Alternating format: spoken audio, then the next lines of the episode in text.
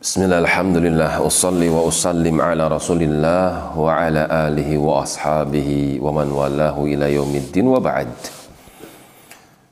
Masih di dalam surah Ad-Dukhan sampai kepada firman Allah Subhanahu wa taala. Rabbana kshif anna.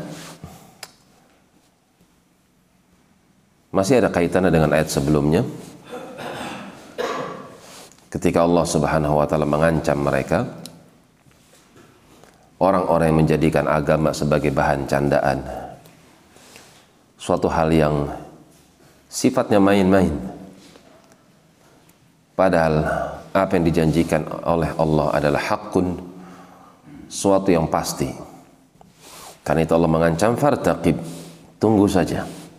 Yauma ta'tis sama'u bidukhanin mubin akan akan ada waktunya di mana langit akan mengeluarkan asap mubin yang asap itu nyata. Ada dua pendapat tentang dukhon di sini.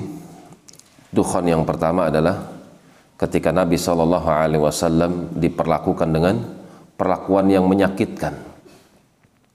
Sampai pada akhirnya beliau pun berdoa, Allahumma sabba alaihim ya Allah limpahkan tumpahkan untuk mereka ya Allah ke sini Yusuf. Berikan mereka kelaparan ya Allah seperti kelaparan yang kau timpakan pada zaman Yusuf alaihissalam maka dikabulkan. Setahun dua tahun tiga tahun nggak turun hujan. Kering kerontang. Ternyata hal itu berdampak yang sangat buruk bagi orang-orang Quraisy. Mereka dilanda kelaparan Saking laparnya mereka, mereka keluar daripada rumah-rumah mereka dalam keadaan mereka sempoyongan. Ketika mereka melihat ke atas langit, mereka melihat seperti asap mengepul di atas langit tersebut. Pendapat yang kedua yaitu pendapat tentang datangnya hari kiamat. Tanda yang besar di antara tanda-tanda hari kiamat, Allah akan keluarkan asap dari atas langit kemudian langit atau asap tersebut menjadikan manusia sesak karenanya. Nasa hadha adabun alim. Supaya manusia bisa merasakannya. Yang asap tersebut meliputi seluruh manusia. Hadha yaumun hadha adabun alim. Inilah adab yang pedih yang kalian nanti-nanti. Ketika turun adab mereka berucap kepada Allah Rabbana kshif anna Ya Allah singkapkan dari kami al-azab hukuman ini ya Allah. Inna mu'minun. Sesungguhnya kami beriman ya Allah. Anna lahumuz untuk apa kalian beriman? Waqad ja'ahum rasulun mubin. Bukankah telah datang kepada kalian seorang rasul utusanku mubin yang menjelaskan ayat-ayatku dengan sangat gamblang? Bukan suatu hal yang rancu kalian diciptakan oleh Allah kalian diberikan rizki oleh Allah maka ibadahilah yang telah menciptakan yang telah memberikan rizki kepada kalian. Kan simpel. Esakan Allah di dalam ibadah Rasulun Mubin. Utusan kami telah menjelaskan dengan penjelasan yang gamblang. Thumma anhu tapi kalian berpaling.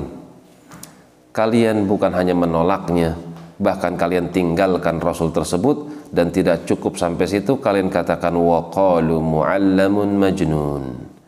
Bahkan kalian dengan teman-teman kalian justru menuduhkan kalimat kepada Rasul tersebut dengan kalimat muallam. Orang yang mengajarkan ilmu majnun tapi sayang dia gila. Itu ucapan kalian kepada Muhammad sallallahu alaihi wasallam. Diutus Rasul tidaklah Rasul tersebut diutus kecuali Rasul itu mendapatkan ujian daripada umatnya. Di antaranya cacian, makian. Inna kashiful adab qalila. Allah Subhanahu wa taala mengatakan inna kashiful adab qalila. Kami akan singkapkan adab tersebut innakum aidun. Akan tetapi kalian pasti akan kembali kepada kekufuran kalian. Demikian keadaan orang-orang yang kafir. Ketika mereka mendapatkan kesenangan mereka lalai. Ketika mereka mendapatkan berbagai macam penderitaan, mereka sempat kembali. Namun ketika mereka petaka yang mereka alami disingkapkan oleh Allah, kembali mereka melakukan kekufuran. Demikian Allah taala alam bisawab subhanakallahumma wa bihamdik. Asyhadu an la ilaha illa anta wa atubu ilaik. Tafadalu barakallahu fikum